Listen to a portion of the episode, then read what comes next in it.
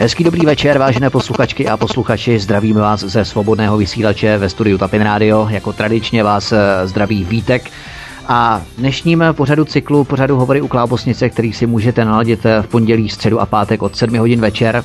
Pozvání dnes k nám do studia přijal hydrobiolog, který pracuje na povodí Vltavy závod Berounka Jindřich Duras. Pane Durasi, vítejte u nás. Dobrý den. Když se řekne hydrobiolog, pro někoho to může znít poněkud lehce komplikovaně, složitě. Hydro znamená voda, bio znamená živý organismus, to si asi každý z nás tak nějak odvodí, aspoň průměrně inteligentní člověk, jimiž naši posluchači bez pochyby jsou. Ale zkuste nám, pane Durasi, usvětlit úvodem, v čem spočívá nebo co obnáší profese hydrobiologa, co všechno spadá pod vaši činnost.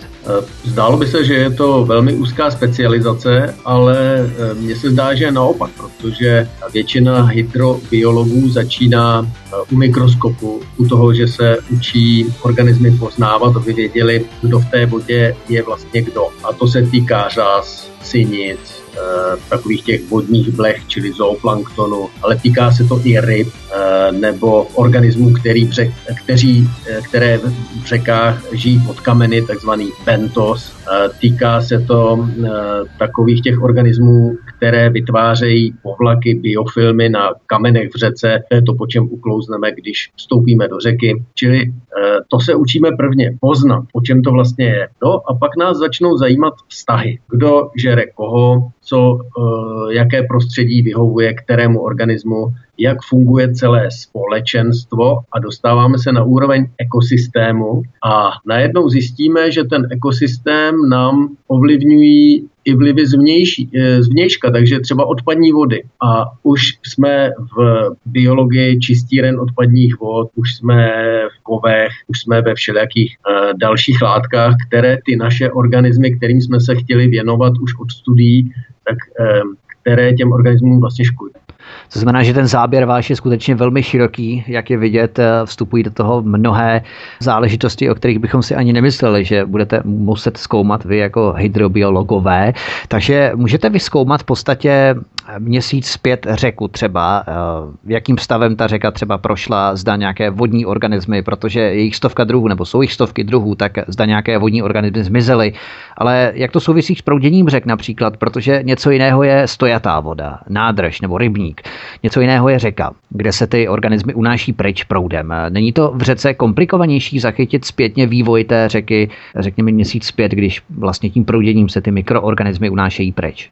Eh, každé to prostředí je velmi specifické. Eh, v řekách máme v zásadě dva typy organismů. Eh, strategie jedněch je nechat se unášet, ty, ty jste zmínil vy, to je takový ten, to jsou ty řasy mikroskopické a, a hlavně prostě mikroskopické organismy. A tyto organismy vsadí na to, že se jim jinde bude dařit možná ještě lépe než tam, kde jsou teď. A pak máme ale obrovskou skupinu organismů, eh, které mají úplně jinou strategii. Říkají si, mně se teď líbí tady a tady chci zůstat, protože se mi tady zřejmě bude líbit i za měsíc a tak. Čili to je ta eh, řekla, řekli bychom, trvalá složka. A tu je nejlépe zkoumat, protože to jsou larvy třeba jepic, larvy chrostíků, eh, pošvatek. Jsou to ty nárosty, ty biofilmy na těch ponořených kamenech. Aha. Čili eh, a ty tomu všechno můžeme nějakým způsobem vzorkovat, to můžeme určit a to společenstvo těch organismů nám pak může říct, jak asi eh, poměry v té řece vypadají. Ono totiž standardní monitoring kvality vody se provádí jednou měsíčně a pokud vezmeme v úvahu známou moudrost, že nelze dvakrát vstoupit do stejné vody, tak my vlastně máme 12 vzorků za rok. Hrozně málo. Naprosto většinu roku teče voda, o které nevíme vůbec nic. A k tomu jsou velmi dobré ty organismy, protože kdyby třeba uh, nějaký podnik vypustil něco jedovatého, tak my na to určitě nepřijdeme. Ale rychle zjistíme, že ty organismy, že to společenstvo je nějaké postižené, že tam chybí eh, ty citlivé druhy, chybí tam ty indikátory dobré vody a v ten moment je to pro nás signál eh, začít zkoumat, co se vlastně stalo. Jakoby řekli bychom, kdo za to může a co s tím vlastně budeme dělat. To znamená, vy můžete podle prostředí, podle změny prostředí vystupovat, jaká látka byla puštěná do vody třeba s nějakým odstupem týdne, dvou, třech, až eh, do doby v podstatě té minulé kontroly, která proběhla měsíc předtím. Ne, ne, nedá se to takhle úplně říct. Eh, my nezjistíme, jaká látka, my zjistíme, že se něco stalo. Eh, a pak můžeme teda zjišťovat, co se asi mohlo stát. To Pokud znamená, samozřejmě to nemáte nahlášené, že? Může někdo nahlásit a vy ten vzorek vody odeberete třeba i vícekrát za měsíc, pokud máte nahlášenou nějakou havárii. Tak to je ta lepší varianta. Horší varianta je, že když že něco proteče a my vlastně nevíme co. A pak buď to eh, se můžeme obrátit na sediment a podívat se, pokud to jsou látky, které mají schopnost se vázat na, na částečky toho sedimentu, tak je tam můžeme hledat, nebo e, půjdeme proti proudu od toho místa, kde jsme zjistili, že ty vodní organismy nejsou, co by měly být a řekneme, ale mohlo by to být e, tady z toho areálu třeba, tak vezmeme vzorky nad. A teď vidíme, že tam jsou ty organismy v pořádku, tak řekneme, aha, tak s velkou pravděpodobností je to tady a už můžeme jít e, jakoby do hloubky zkoumání, co je špatně a většinou se teda něco takhle najde. Ten sediment to je takové to drobné kamení na dně, ne? Štěrk, ne, písek a tak dále? Kamení, na kamení v zásadě toho moc nezjistíme, ale je to spíš to jemné bahínko. Aha, aha. Tam jsou droboučké částečky, které mají schopnost vázat na sebe například těžké kovy, nebo takovým hitem současnosti, teda negativním hitem současnosti jsou polyaromatické uhlovodíky, takzvané PAU. Eh, je to celá skupina látek, z nichž některé jsou velmi důvodně podezřelé eh, z, kar, eh, z karcinogenity, z rakovinného působení na člověk. Aha. A my vlastně teď hledáme, nebo zjišťujeme, že tyhle látky máme skoro ve všech vodních tocích, ehm, i když třeba se nezdá, že bychom věděli, kudy se tam asi dostávají. A to jsou právě látky, které se vážou na ty jemné částečky sedimentu. A můžeme říct, že na, těch, na tom sedimentu, co je nám v zásadě do něj, ale eh, řada vodních organismů zjednodušeně řečeno taková skupina jakoby vodních žížal, mítěnky a tak podobně, se tím sedimentem živí na veliko. Prostě ho žerou a to střevo si tak jako přebere, co by bylo k snědku. Tím se dostávají ty polyaromatické uhlovodíky do tkání těchto, řekněme, vodních červů, jenomže ti vodní červy jsou potravou pro někoho dalšího. A najednou jsme v rybách a ta ryba zase má blízko ke člověku. Ano, ano. je na to, že někde v tom potravním řetězci se může stát něco ošklivého. Některým těm organismům se třeba přestane dařit a naruší se fungování celého toho systému. To je úplně přesný příklad toho, jak všechno se vším souvisí, jak je všechno se vším provázané, promísené, vše se prolíná. Vy pracujete na povodí Vltavy, závod Berounka povodí Vltavy tvoří území o ploše zhruba 28 tisíc km čtverečních, odkud veškerá voda stéká do koryta Vltavy. Spravujete 12 přehrad a asi 115 jezů, z nich asi 10 je pohyblivých. Jak je rozmanité to území z hydrobiologického hlediska? Protože něco jiného je asi Šumava, rašeliniště, že? Něco jiného jsou průmyslová města nebo třeba území Brdy, které bylo takzvaně acidifikováno, čili okyseleno kyselými srážkami metodami. To pro hydrobiologa musí skýtat eh, skutečně fascinující výsledky pro zkoumání vody nebo ve zkoumání vody v jednotlivých oblastech, ne? Eh, je to, dá se říct, velmi eh, různorodá, pestrá směs stanovišť. Máme taky český kras, čili vodu z vápenců. Ta má úplně jinou povahu než je už zmíněná voda ze Šumavy, která spíš obsahuje ty huminové látky. Mimochodem, tady je zajímavý vývoj Eh, my jsme před, řekněme, 30, 40, možná dokonce 50 lety už, eh, byli velmi nervózní z acidifikace, to znamená z kyselých dešťů. Eh, exhalace ze spalování nekvalitního uhlí produkovaly oxidy síry, ty se rozpouštěly v kapénkách vody, vznikala vlastně kyselina sírová v důsledku v těch oblacích a ta potom pršela na lesy. Ty citlivé oblasti se vlastně okyselovaly a z těch půd se vymýval hliník a vymýval se v toxické podobě. Aha. Takže jezera, potoky se staly mrtvými potoky, mrtvými v zásadě jezery. Týká se to šumavských jezer, ale taky eh, brdských, brdských vodních nádrží. To znamená, kyselina sírová a hliník vytváří jakousi kombinaci, která je vražedná pro bioekosystémy. Eh, ta kyselina sírová eh, a taky, taky dusičná, ale zase z jiných, z jiných lehce zdrojů, uh-huh. okyseluje půdu a z té půdy se pak, protože je kyselá, vyplavují kovy, takže třeba na Příbramsku se vyplavoval i arzén a takové, takovéhle kovy, ale všude jde o hliník, protože hliník je jeden z nejrozšířenějších prvků zemské. A přívaly kyselé, velmi kyselé vody třeba pH 4. S tím hliníkem byly taková smrtelná kombinace, třeba pro ikry, ryb, či ty ryby se přestaly roznočovat, ale eh, nedařilo se ani obojživelníkům příliš. A ta voda sice od pohledu byla čistá, ale v zásadě mrtvá, téměř nikdo tam nežije. Mm. A teď se naštěstí celý ten proces vrací zpátky. Srážky eh, se výrazně zlepšily, ten chemismus se v rámci celé Evropy se výrazně zlepšil a nám se všechny tyhle ekosystémy, těch jezer, těch, i těch vodních toků, které odvodňují eh, ty horské oblasti nebo podhorské oblasti, tak ty se začaly měnit. A začaly se měnit způsobem, který jsme úplně nepředpokládali. Takže se nám paradoxně, pokud jsou tyhle třeba nádrže využívány vodárensky, tak se nám ta kvalita v nich jakoby zhoršuje. Jsme si vlastně zvykli užívat důsledků té acidifikace a teď máme s tím v některých lokalitách problém. Takže to je e, takové, to jsou takové proměny té no, i hydrobiologie a všech těch. My že hovoříme o limnologii. Limnos je jezero z řečtiny, či limnologie je pak už v rozšířeném smyslu nauka o, o vodách, o sladkých vodách a zahrnujeme tam jak jezera, tak, tak tekoucí vody.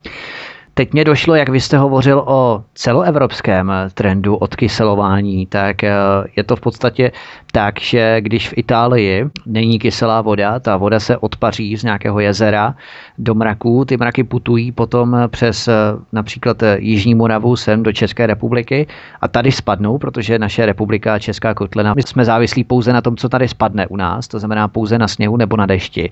Tak když Evropa bude v pořádku, co se týče týče odkyselovávání vod, tak to potom bude mít i vliv na kyselost našich vod. To znamená, že my musíme v podstatě postupovat koordinovaně v rámci celé Evropy, proto aby u nás nedocházelo k právě k acidifikaci těch vod v podstatě, protože my jsme závislí na těch frontách, které k nám přijdou z okolních zemí. A pokud i ty budou kyselé, no tak my budeme mít také kyselou vodu díky srážkám. Není to tak?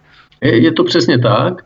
A naštěstí eh, ta Evropa, ona, je, ona Evropa je eh, v oblasti životního prostředí vždycky o krok, dva, tři před námi. Eh, takže ale tady se podařilo, že jsme jaksi v souhlase s tí, se snažením ostatních evropských států ty spaliny odsířili. Čili ten efekt se u nás objevil už kolem roku 2000, Aha. ale eh, to zajímavé je, že se eh, z půd eh, vyplavují z těch půd třeba, třeba šumavských, brdských nebo krušnohorských, se vyplavují takzvané huminové látky. To, co činí rašeliné vody hnědými, co jim propůjčuje tu hnědou barvu, jsou takzvané huminové látky, které vznikají rašeliněním těch půdách a ty se najednou vyplavují v úplně jiném množství, které jsme neočekávali, protože prostě se změnil celý chemismus. A to je něco pak, eh, co nám mění třeba chování chování jezer, ale také některých rybníků, které mají tu hnědou vodu.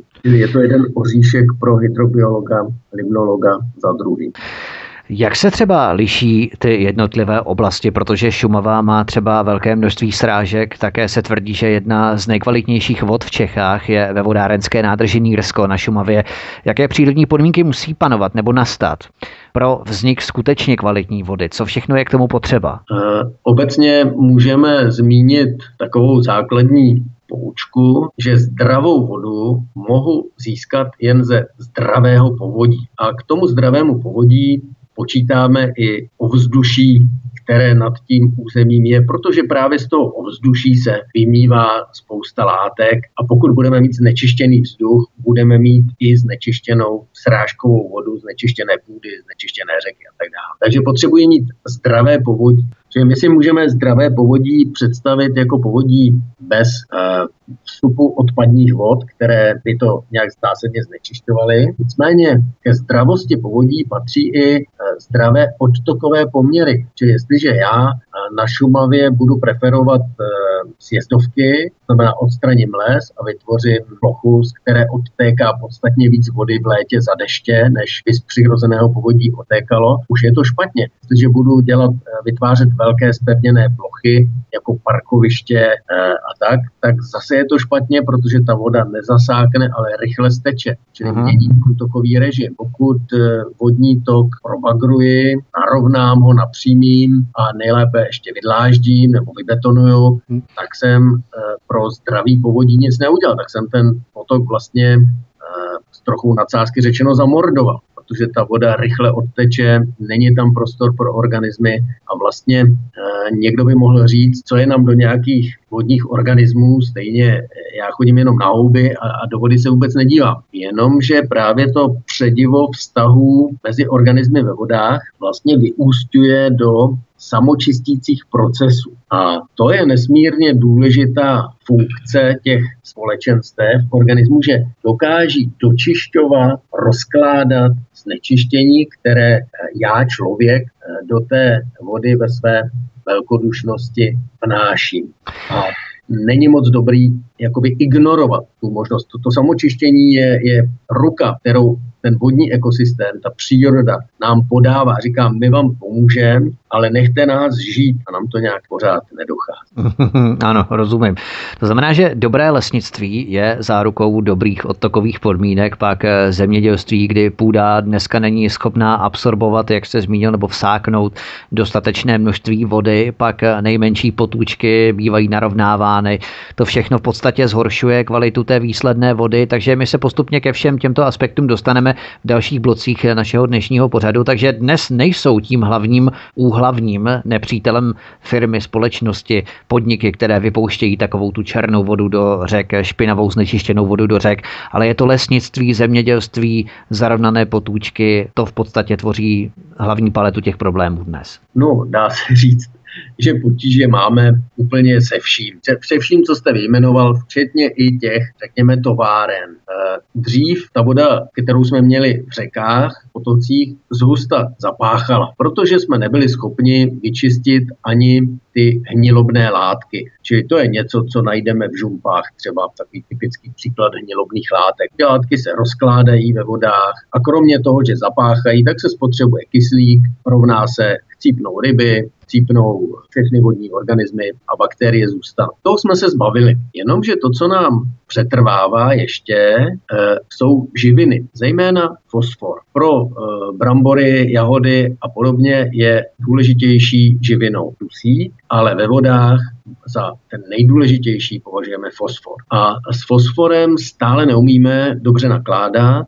Fosfor stále přechází do, v odpadních vodách do odtoku, čili do, do našich, ať už jsou to rybníky nebo, nebo řeky. A to je pak problém rozvoje synit. Čili máme potíže s fosforem, eh, máme neustále potíže s novými a novými látkami, které my lidé neustále eh, dáváme do, do oběhu, do použití. Těch látek jsou tisíce a tisíce. A zatímco třeba takové dusičnany se vyskytují ve vodách v desítkách miligramů tak a těžké kovy v mikrogramech, tak tyto cizorodé látky, které který musíme čelit teď, eh, stanovujeme v nanogramech a chystáme se je hledat dokonce v pikogramech. Že je to nepředstavitelně nízké množství a už takto nízké množství tyto látky jsou schopné ovlivňovat jak život ve vodách, tak i funkce našeho lidského organismu, pokud se dostanou do našeho řekněme, řetězce, který směřuje k nám. Ale to může být i pitná voda.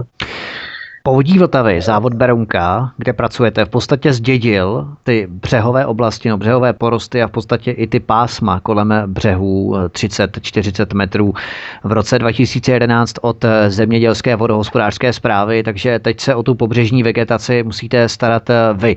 Jak to probíhá? Děláte prodírky, ozdravujete nějak ty rostliny, vysazujete nové, abyste v podstatě zachovávali ta korita nebo abyste obnovovali, revitalizovali ta korita a okolí korit řek? Revitalizace, jakkoliv je to oblast myšlenkově nepříliš složitá, tak je hrozně složitá v praxi. A, je pokud složitá... je to složité, tak možná bychom si to nechali další blok. Pane Durasi, dáme si písničku. Dnešním hostem je hydrobiolog Jindřich Duras, pracující v povodí Vltavy závodu Berounka. Dáme si písničku a po hudební pauze, asi zhruba 3-4 minutové, si povíme něco o zprávě koryt řek, jak o ně pečovat. Naším hostem je stále Jindřich Duras, hydrobiolog, který pracuje v závodu Berounka v povodí Vltavy. Pane Durasi, vítejte ještě jednou u nás. Dobrý den. A my jsme si před písničkou slíbili, že si něco povíme o zprávě řek a v podstatě jak pečovat o korita řek. Pusme se do toho, pane Dudasi. Vy jste nastínil tezi, že je to v podstatě velmi složitá záležitost, ačkoliv se to může zdát být poměrně jednoduché v tom myšlenkovém procesu, ale je to velmi složité, protože těch kilometrů, myslím, řek, které máte na starosti, je asi 23 tisíc, že? Já to přesně z hlavy nevím, ale je to, záleží, jak velké vodní toky zahrnete do toho propočtu. Ta povodí Vltava, to znamená povodí Vltava závod Berounka, myslím, že jich má právě, jsem se dočetl, 23 tisíc, což je jako kdybyste okroužil země kouli. Když skončíte na jednom eh, konci, tak abyste začínali znova, že? Tak eh, jak se to dělá v podstatě, jak se pečuje o ta pásma, protože bývají zaorávána v podstatě až k řekám, to znamená, že ty ornice eh, stékají do řek, bahnu a tak dále, k tomu se později dostaneme, ale jak tedy bývá pečováno o ty břehy příbřežní oblasti? Optimální je nechat ty vodní toky jaksi přirozenému vývoji. Má to samozřejmě, to, to si ve většině případů nemůžeme úplně dovolit. A teď ty potíže. To, co děláme standardně, je třeba údržba břehové, břehové vegetace, zejména v místech, jako jsou obce a tak podobně. A tady vlastně to, na co narážíme zásadně, jsou vlastnické vztahy. Povodí spravuje obvykle pouze velmi úzký pás podél břehů, ale ten zbytek patří někomu jinému. A pokud cokoliv chcete tím tokem dělat, tak se musíte s někým dohodnout. A to je hrozně těžká věc. Eh, revitalizace, eh,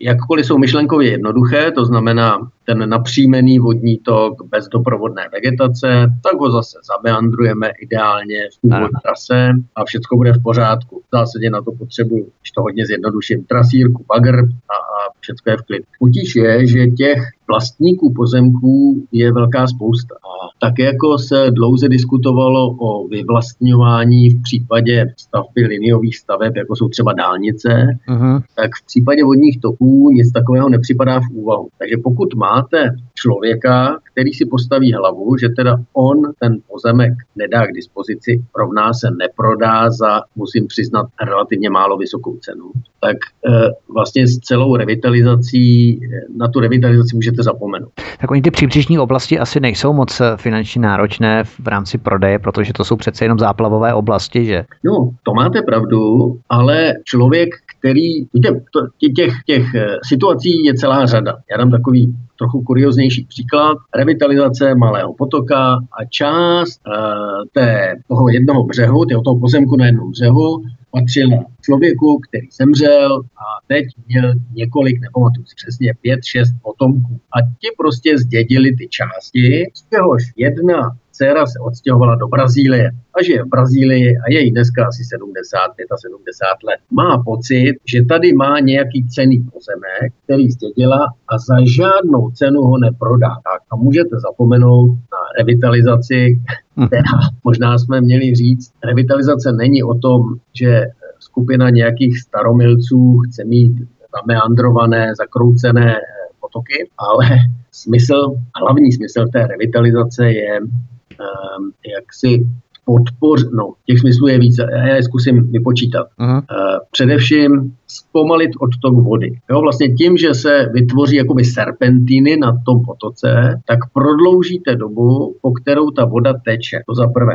Když zaprší, tak než se ta voda prokličkuje, chvíli to trvá. Eh, když zaprší víc, tak v těch zákrutách se voda vyleje ze břehů. A teď může někdo říct, no ale my nechceme, aby se voda vylévala ze břehů. Voda má svý koryto, tam má prostě téct a basta. Eh, vlastně tím, že se voda vyleje ze břehů, tak se nám vytváří s nadsázkou řečeno jakási jakoby přehrada, vodní nádrž. To se vytváří dočasně, protože ta voda se vyleje. Kdybych to koryto napřímil a nej vybetonoval, tak vlastně já tu vodu urychlím, což řekneme super velká voda od nás odteče velkou rychlostí, jenomže ona někam rychle přiteče. Přiteče někam do vsi. A zatímco kdybych tu vodu nechal v tom záplavovém území vylít na několik dní, tak jsem vlastně tu hlavní vlnu trochu zadržel a do té vsi níž ta voda přiteče déle a nebude mít tak vysokou kulminaci.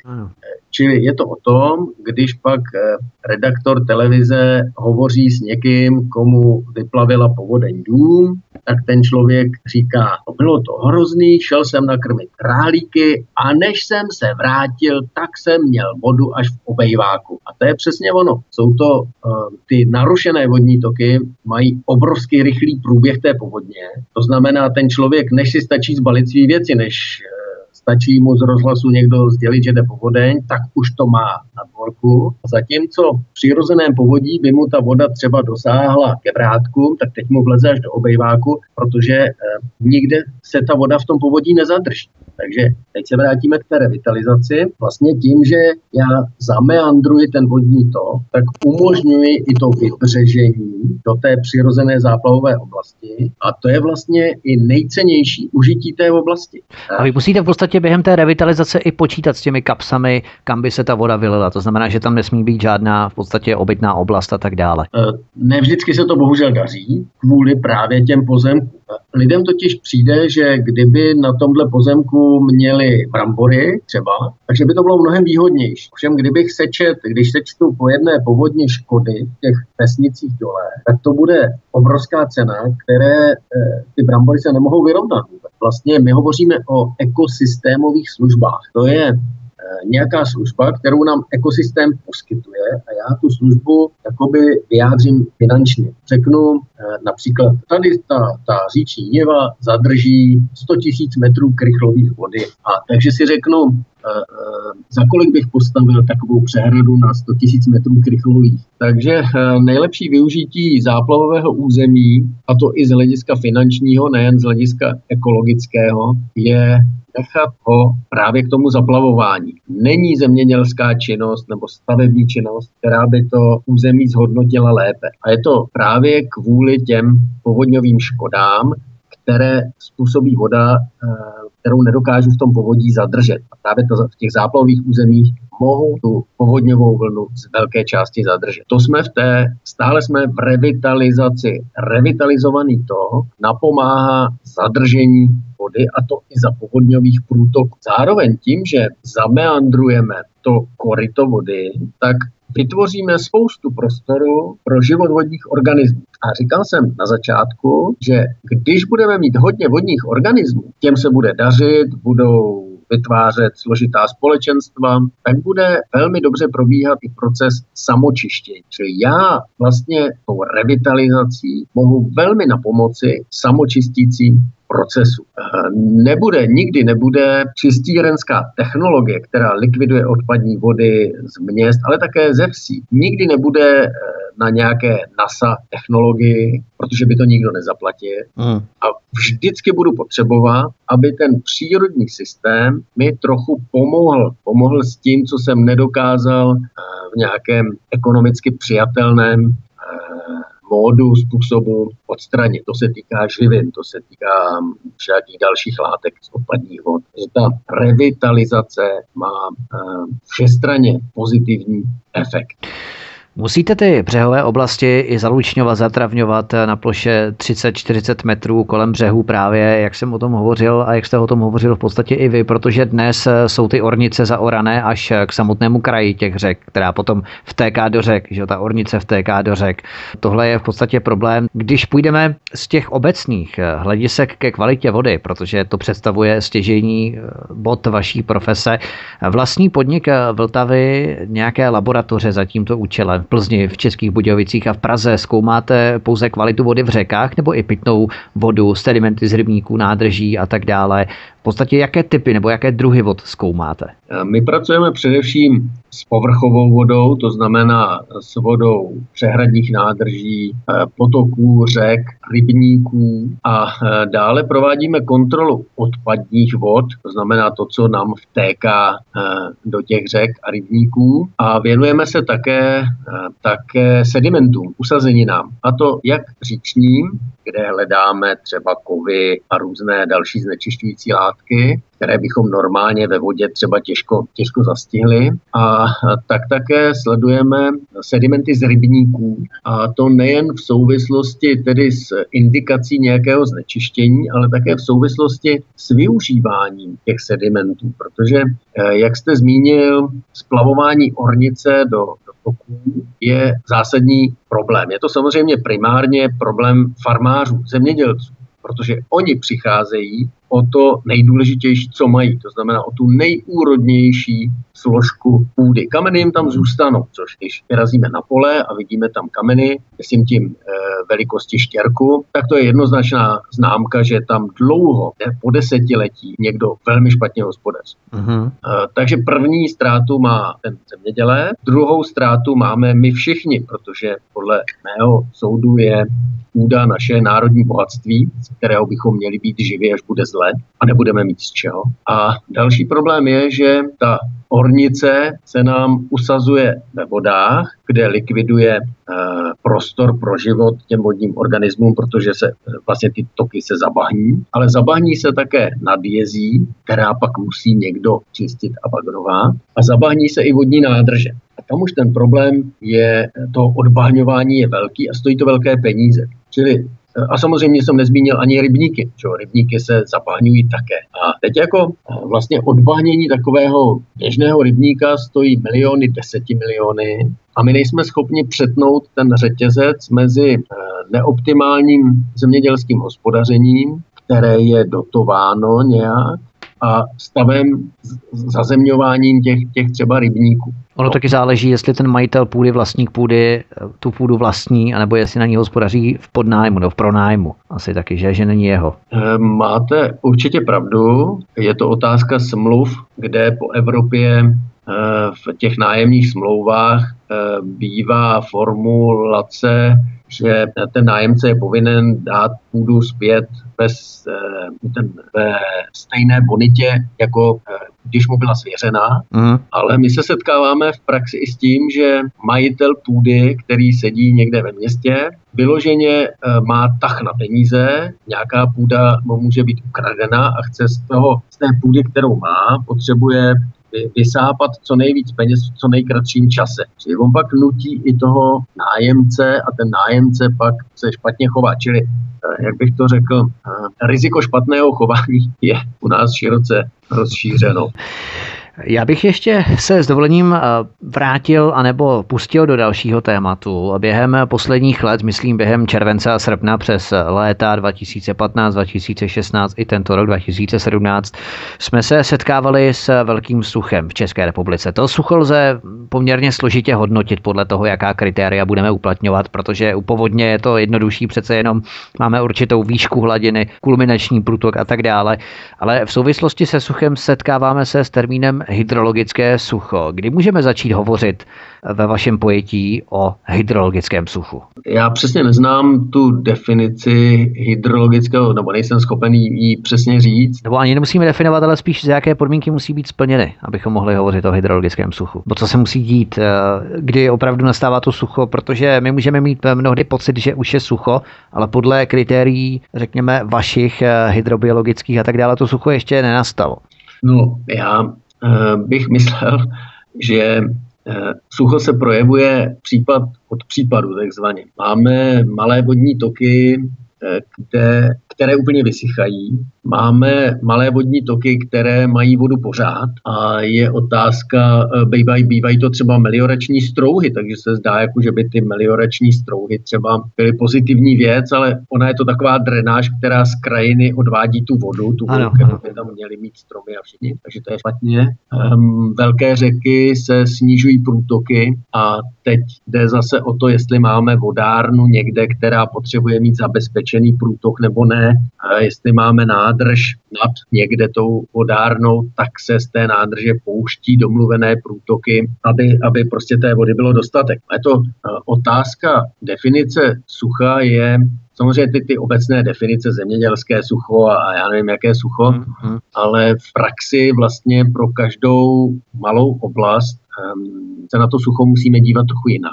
Myslím, že v rámci třeba spodních vod, když začínají vysychat studně, tak uh, už se právě může začít hovořit o suchu. Určitě, to určitě. Um, sucho, jak jsme ho zažili třeba v roce 2015, je uh, takový faktor, který prověří, uh, dalo by se říct, zdraví celého toho povodí. Když se zmenší množství vody řece, tak třeba odpadní vody, které vypouští město, jsou méně naředěny. To znamená, pokud špatně čistíme odpadní vody, tak těch odpadních vod bude hodně a budou špatné kvality a totálně zničí ten úsek řady. Čili, a pokud čistíme dobře, zodpovědně tak, jak by asi eh, v době, kdy, kdy se prodávají letenky na Mars, tak bychom měli umět naložit se svou odpadní vodou, si myslím, tady na Zemi. Mhm. Tak když čistíme dobře, tak to sucho není tak rizikové. Eh, to je jedno, co se prověří, jedna, jedna, eh, jeden faktor. A už jsme se zmínili o revitalizaci. Revitalizace, pokud mám vodní tok, ať už je to potok nebo řeka, v dobrém stavu má meandry, není přebagrované koryto, jsou tam štěrkopískové lavice, um, jsou tam tůně, je, je, je pestrý tento, tak má zachované už zmíněné samočistící schopnost. A v době, kdy je v řece v potoce málo vody, a voda teče pomalu, to znamená, ty vodní organismy mají spoustu času ty samočistící procesy provozovat. A oni to také, ty organismy dělají. Čili těsně pod zdrojem znečištění je ta voda horší, ale kousek níž je překvapivě dobrá, protože to ty organismy stačí vyčistit. Pokud ten potok bude zdegradovaný, narovnaný, zabagrovaný, no tak samozřejmě ty samočistící procesy se pořádně neuvadní a to znečištění bude pokračovat dál. Čili to sucho prověřuje, jak to povodí celé máme vlastně v pořádku. V souvislosti s tím suchem tak je zajímavé, že až 60% zásob podzemní vody se u nás tvoří v období tání sněhu, tedy v prvních jarních měsících. Takže ten sníh prosakuje tím nasyceným půdním profilem. Máme ještě další nějaké zdroje, které tvoří zásoby našich podzemních vod, protože k nám vlastně žádná voda nepřitéká. O tom jsme už tady taky mluvili. Čili my jsme v podstatě závislí na tom, co u nás spadne, ať už jde o déšť nebo o sníh. Takže může třeba předznamenávat příchod příchod sucha, chudá zima na sněhovou pokrývku. Jednoduše, když napadne málo sněhu, ten nebude na jaře tát, nebude se vsakovat přes půdu do těch podzemních vod, nebude potom stékat do těch spárových toků a následně do řek. Lze to takhle určit vůbec, jako máme málo sněhu, rovná se, následný rok bude sucho? Částečně to tak takhle eh, jde říct. Zima sní, se, se slabou sněhovou pokrývkou může předznamenávat suchý rok. To je pravda. Pak ale máme srážky ve zbytku roku. Víte, ono je to tak, že sice se celkem stabilně u nás otepluje, ale srážek padá pořád stejně, i když to nevypadá. Ale padají trochu jindy.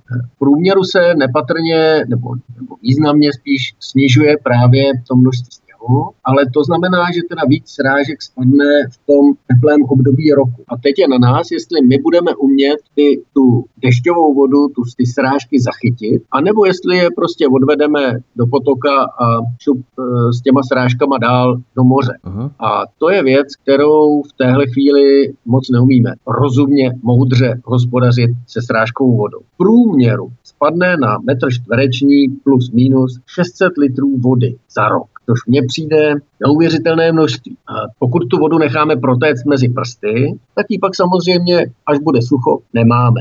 Hovoříme v té souvislosti s něčím jako, je to takové přirovnání, houbovitost krajiny. Aby ta krajina dokázala vodu nasáknout. Uh-huh. Jsme zase u toho, řekněme, lesního hospodaření, ale zejména u zemědělského hospodaření, kde ne všude, ale na velkých plochách půdy ztrácejí schopnost zasakovat tu vodu. Můžeme říct, že těch pár litrů to nezachrání. Ale když se podíváme na třeba na, na moravské černozemě a jejich degradaci, což třeba já osobně považuji za zločin, eh, za který by zodpovědní měli, měli jít do vězení, protože to je prostě národní ztráta, to je plítvání národním bohatstvím. Tak eh, když si vezmeme přirozenou černozemní půdu, přirozenou v dobrém stavu, přirozený půdu a vezmeme si to, co z ní zbyde po degradaci, tak ten rozdíl je asi 250 litrů vody. To znamená, degradovaná odbočka zachytí o 250 litrů vody méně. Na metr čtvereční, jeden hektar je 10 tisíc metrů čtverečních. Teď, když to přepočtete třeba na 20-50 hektarové půdní bloky, tak vám vyjdou obrovská množství v metrech krychlových. A kdybychom měli kvůli tomu postavit přehradu, tak prostě za vybudujeme spoustu přehrad. Jenom taková odbočka. Přehrady jsou výborné v době, kdy potřebuju tu vodu na pití, abych měl z čeho brát, ale ty přehrady mi nedostanou vodu zpátky, řečeno do studánek třeba, nedostanou tu vodu zpátky do lesa, nedostanou ji zpátky na pole. Prostě v té krajině už ta voda nebude zpátky k těm zemědělcům. Takže eh, hospodaření, způsob hospodaření a péče o, o retenci, o, o schopnost zachytit vodu na zemědělských půdách, to je strašně důležité důležitá věc, které se musíme věnovat. Protože pak, když bude to sucho, čím hůř hospodařím v krajině, tím horší bude nejenom kvalita vody, ale také tím horší bude sucho a tím horší budou i povodně. Jenom otázka, než nám to všecko dojde tak, aby se e, v praxi i projevovaly nějaká e, nápravná opatření. Samozřejmě, že nápravná opatření e, se na nich pracuje, ale je to strašně málo. Dnešním pořadem nás provází hydrobiolog Jindřich Duras. My si zahrajeme hudební pauzu, po které budeme pokračovat v našem povídání o vodě, o kvalitě vody v českých řekách a podíváme se třeba mimo jiné i na soustavu přehrad a jak preventivně bojovat proti povodním a další témata. Zůstaňte u nás. Dnešním hostem je stále hydrobiolog Jindřich Duras. Posloucháte svobodný vysílač, ze kterého vás zdraví vítek z cyklu pořadu Hovory u Klábosnice ze studia Tapin Radio a my pokračujeme dále v našem povídání o vodě, o kvalitě vody v českých řekách a rybnících a podíváme se na soustavu přehrad. Když si promítneme soustavu nádrží na řekách, pomocí kterých lze naopak regulovat hrozící povodně, tak třeba na Úslavě tam není žádná nádrž, že? ale naopak nádrž Nýrsko na Šumavě, už jsme tu zmínili, jedna z nejkvalitnějších vod v Čechách, Žlutice na Střele, což je rozhraní severní Plzně a Karlovarského kraje, nádrž Hrachulusky na Mži. Samozřejmě záleží na parametrech dané nádrže, ale jak moc mohou dané nádrže s vymezenou retencí zabránit vzniku povodně, případně regulovat tok řeky, protože my jsme tu měli povodeň v roce 2002, což byla katastrofa, všichni si to pamatujeme. Tady už ten objem masy vody byl asi tak obrovský, že dané nádrže neměly šanci ten tok vody nějak významně regulovat. Eh, tohle je otázka spíše pro hydrologa než uh-huh. hydrobiologa, no, takže si troufnu odpovědět pouze rámcově. Uh-huh. Zásadně jde říct, že neexistuje přehrada, která nás úplně ochrání před povodněmi. Vždycky přijde povodeň, kterou se nepodaří zachytit. To je naprosto zásadní, čili 100% ochrana neexistuje. Každá, jak už jste řekl, každá nádrž má určitou kapacitu ochránit to území níže Eh, před těmi velmi vysokými průtoky. A tam pak záleží na tom, jak je stanoven účel té nádrže. Vlastně kvůli povodním by bylo ideální, kdybychom všechny nádrže měli prázdné a čekali, jestli náhodou nepřijde povodeň, abychom ty nádrže naplnili. No jo, jenomže když místo povodně přijde sucho, tak zase si řekneme, aha, měli bychom mít všechny ty nádrže úplně plné, abychom v době sucha mohli z těch nádrží pouštět, aby v řece něco teklo. A teď ale k tomu je výroba elektrické energie, tomu je rekreační využití, tomu je využití třeba pro sportovní rybolov. Navíc máme odběr vody pro vodárnu a najednou už to není jednoduchý úkol říct, kolik ta nádrž má vlastně, před čím má ochránit, co má vlastně všechny, za všechny úkoly splnit. Proto existuje něco jako manipulační řád, ten se velmi podrobně zpracovává, všechny ty účely se zvažují a ten schvaluje vlastně krajský úřad. Takže je to takové, dalo by se říct, vyšší, vyšší rozhodnutí, a podle toho se pak takzvaně manipuluje s vodou na nádrž, aby se zabezpečilo jak dostatek pitné vody, tak přiměřená ochrana před povodní, tak ochrana, řekněme, před následky sucha.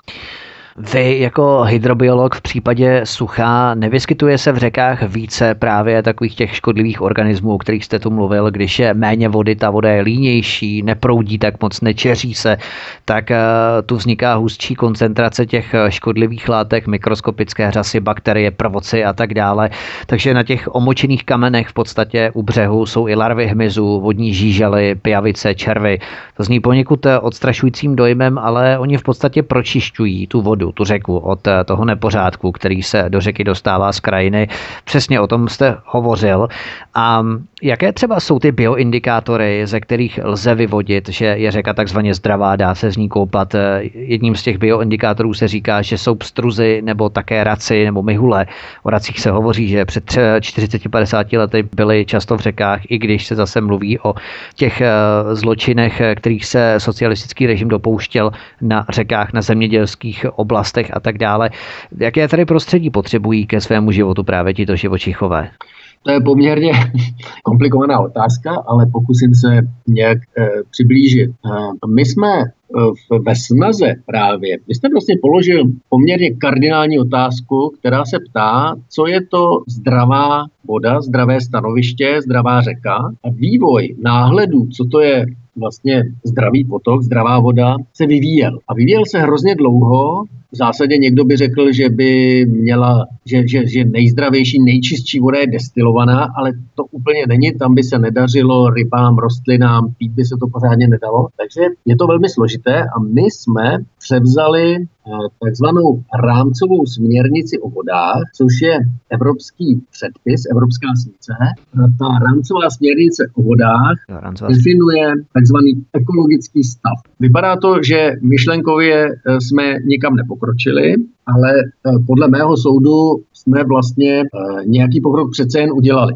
My v rámci toho ekologického stavu hodnotíme nejen znečišťující látek, ale hodnotíme i takzvanou hydromorfologii, to znamená eh, vyrovnanost průtoků třeba, jestli ten tok vysychá nebo ne, a zároveň i jestli je zregulovaný nebo má přirozené meandrování, nebo je eh, částečně vydlážděný nebo co. To je všechno, to jsou všechno jaksi součásti, podle kterých se hodnotí ten ekologický stav. A základní myšlenka je, že když v té vodě se budou vyskytovat takové organismy, které by tam byly, kdybych do toho já nezasahoval, případně když tam budou takové organismy, které odlišné od toho úplně přirozeného stavu, tak je to dobrý ekologický stav. A zase někdo může říct, co si to eh, ty eh, zelení teroristi vymysleli, a ještě prostě nějaké preverky, tady budeme chránit exologickou zahradu.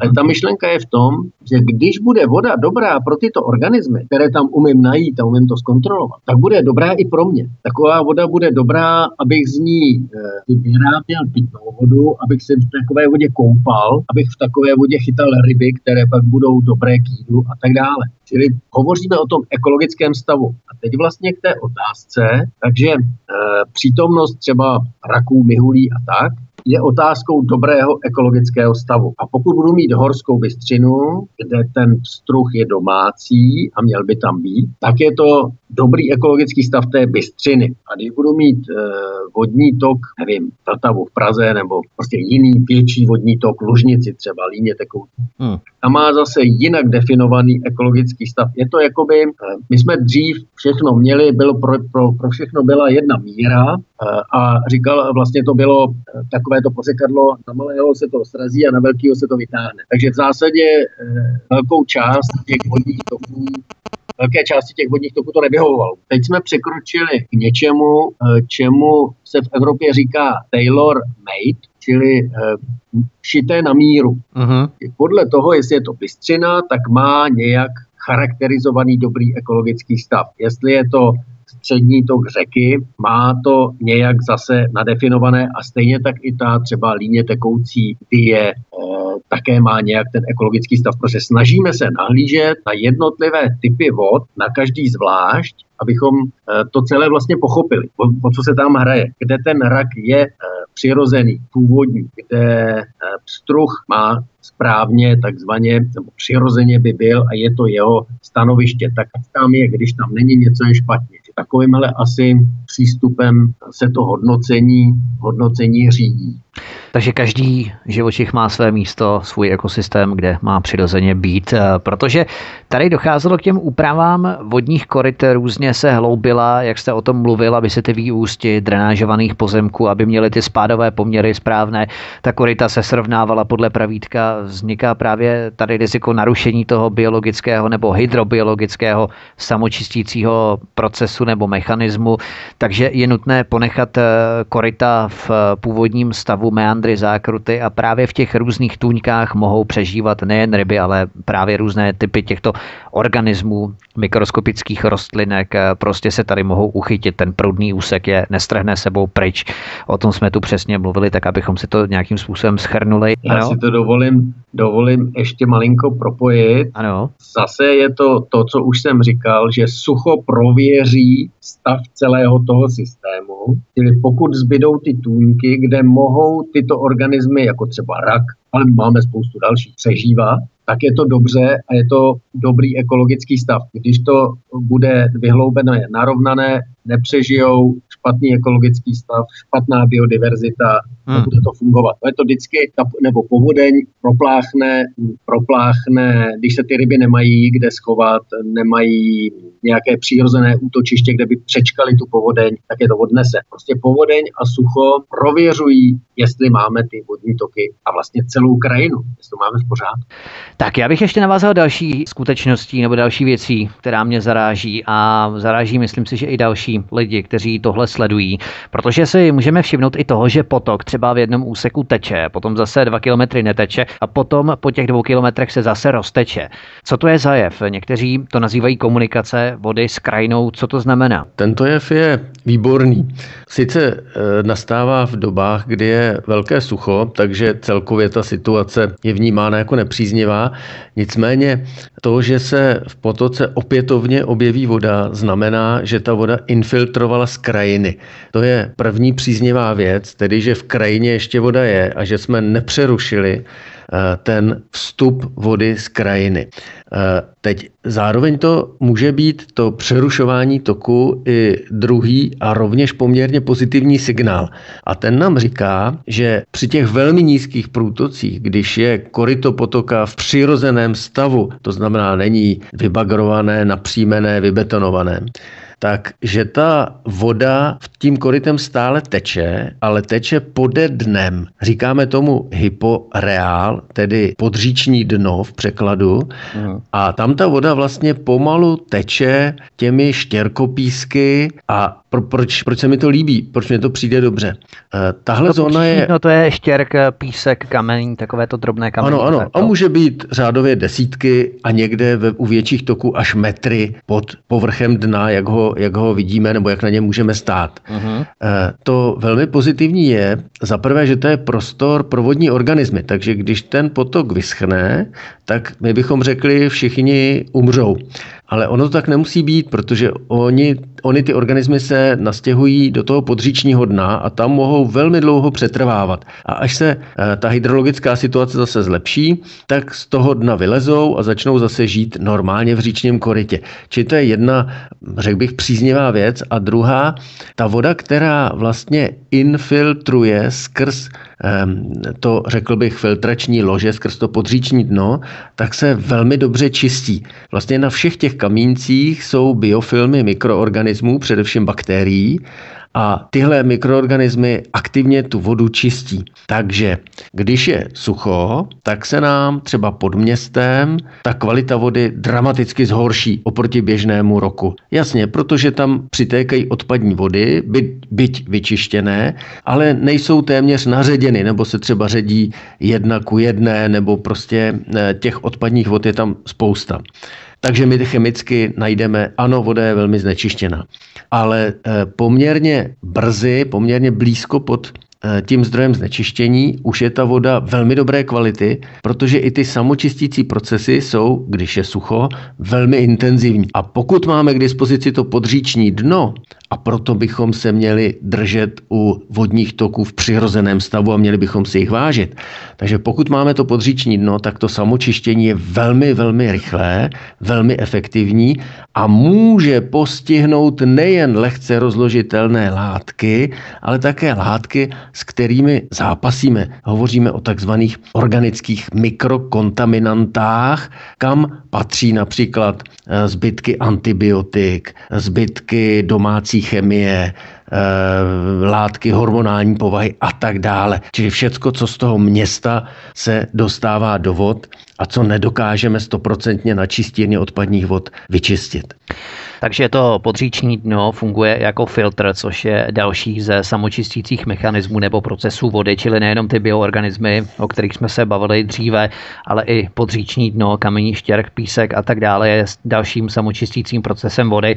My jsme se tu bavili o programech na revitalizaci těch vodních toků, na navrácení, abychom vytvářeli zpět ty meandry, zákruty v řekách.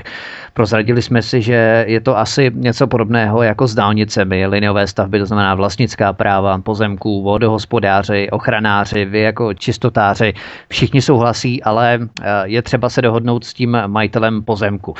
Chtěl bych se zeptat, daří se to někde, třeba Rakovský potok u Rokycan nebo Stropnice, máme tu třeba i Nové Heřminovy, povodí řeky Opavy na Severní Moravě, tam se to podařilo, jsou nějaké rozsáhlejší oblasti, kde se třeba zpětná revitalizace, v podstatě zatravňování, zalučňování a meandrování hlavně zákruty těch řek daří znovu obnovit.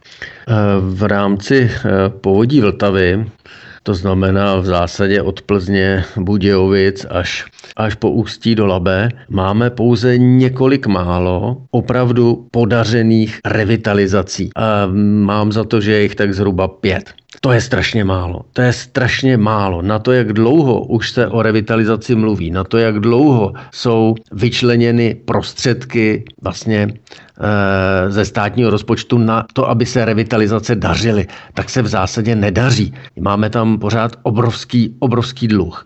Eh, revitalizace není jenom o tom, že se eh, někde udělá meandr nebo že se někde vytrhne kus betonu z korita nebo se vysadí dva stromy.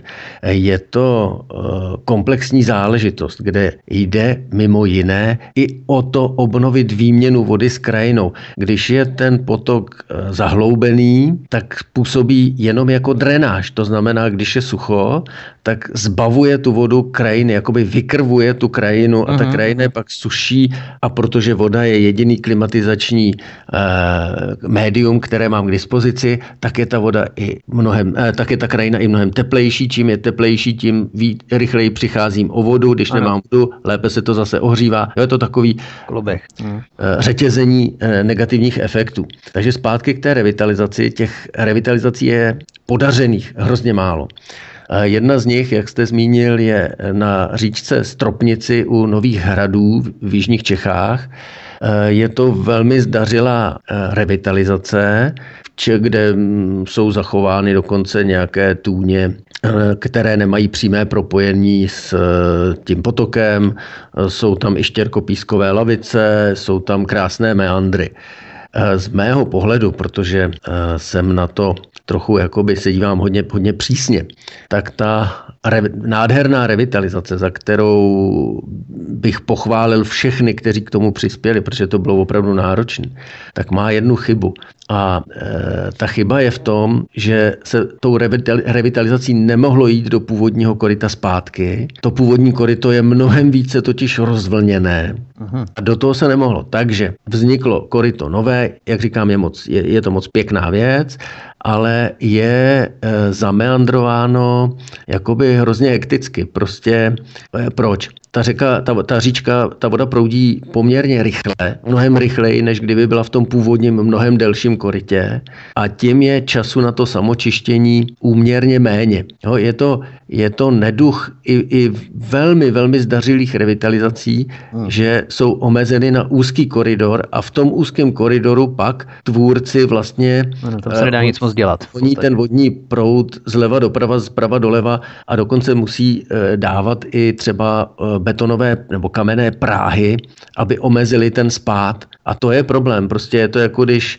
nádherné široké serpentíny, kterými se vy, kterými vyjedete někam na kopec, tak když je budete prostě vrstvit na sebe strašně rychle, tak, tak, tak ten spát bude pořád obrovský a, a nikam se nedostanete. Mm, mm. To je trošku ten problém. Co tím chci říct? Tím chci říct, mnohem větší váhu musíme, ale tím myslím všichni, eh, přikládat tomu, aby ty revitalizace byly opravdu dobře provedeny. Nejde tady o to, že bychom vycházeli vstříc jakýmsi e, zeleným prostě úchylům, který nutně potřebují, aby ten potok by vypadal nějak, jak ho nikdo nepotřebuje ale jde opravdu o to, abychom obnovili funkci té krajiny a bez té krajiny nebudeme mít ani kvalitní vodu, nebudeme jí mít ani dostatek. A když bude pršet, tak nás zase budou vyplavovat povodně. Prostě dokud nám v té hlavě nedojde, že bez zdravé krajiny nebudeme mít ani zdravou vodu. A té, ta krajina aktuálně zdravá není a nutně potřebuje celá revitalizaci. A dílčí částí revitalizace celé krajiny je, že se budu věnovat tomu vodnímu toku a snažím se a budu se snažit obnovit ty vazby, dát mu jakoby vdechnout mu život, dát mu funkci. Jo, nejde o to, jak to vypadá, ale jak to funguje.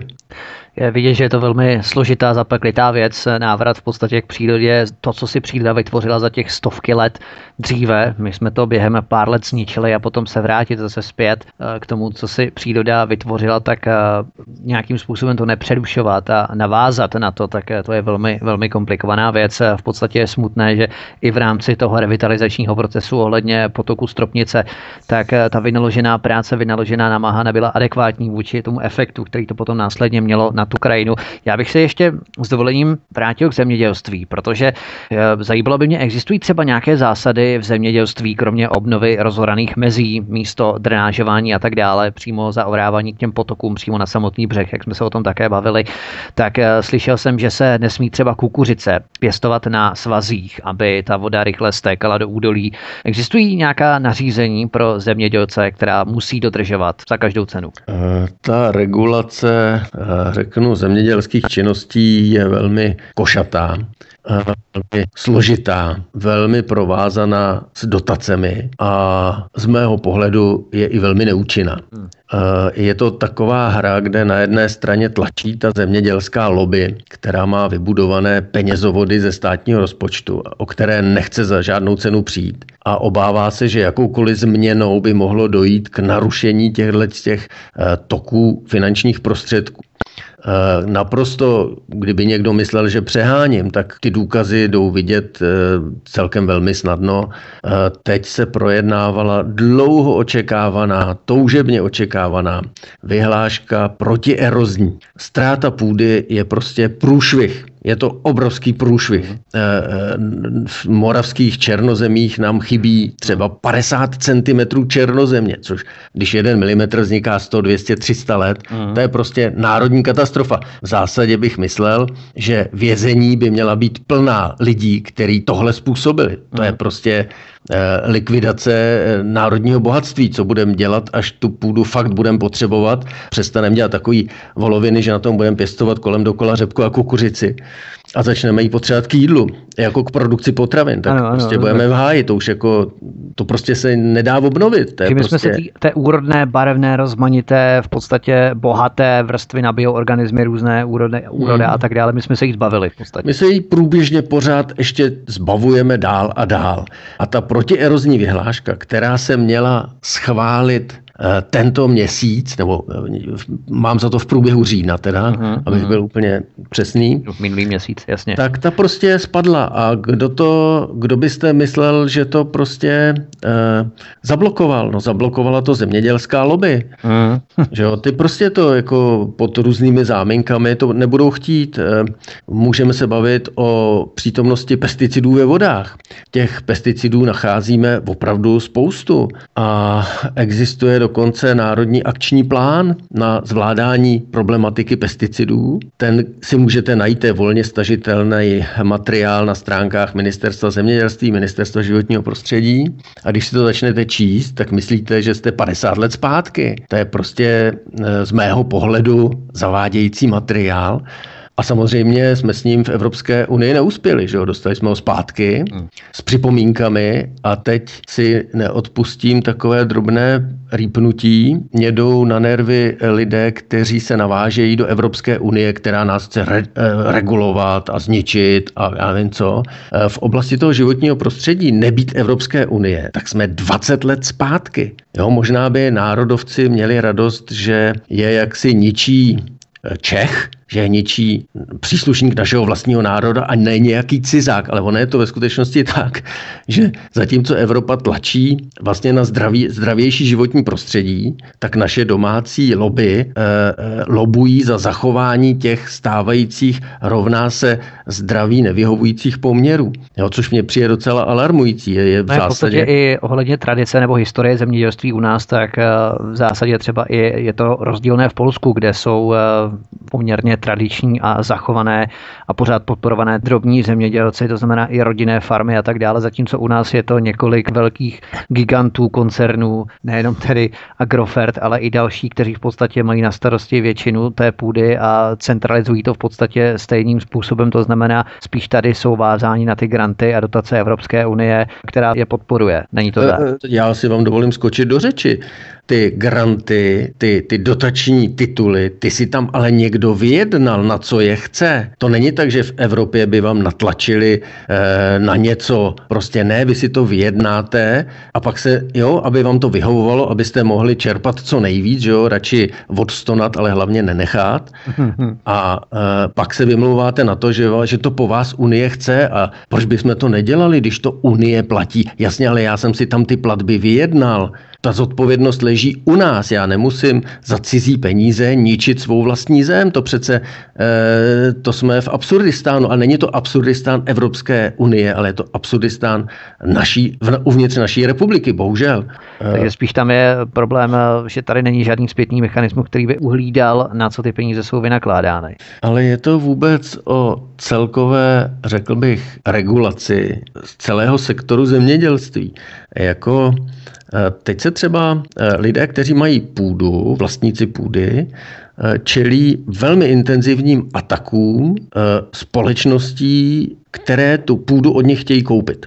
A někteří tyhle, ty, tyhle skupiny, některé tyhle skupiny neváhají vyhrožovat, dělat všelijaký nátlaky a prostě potřebují tu vaší půdu od vás nutně koupit. A teď si můžeme položit otázku, proč, jako kdyby, ta zeměděl, kdyby to zemědělství bylo tak jako e, nevýdělečné, k, k zániku, neschopné, tak tu půdu nikdo nebude chtít. Jsou to spekulanti s půdou.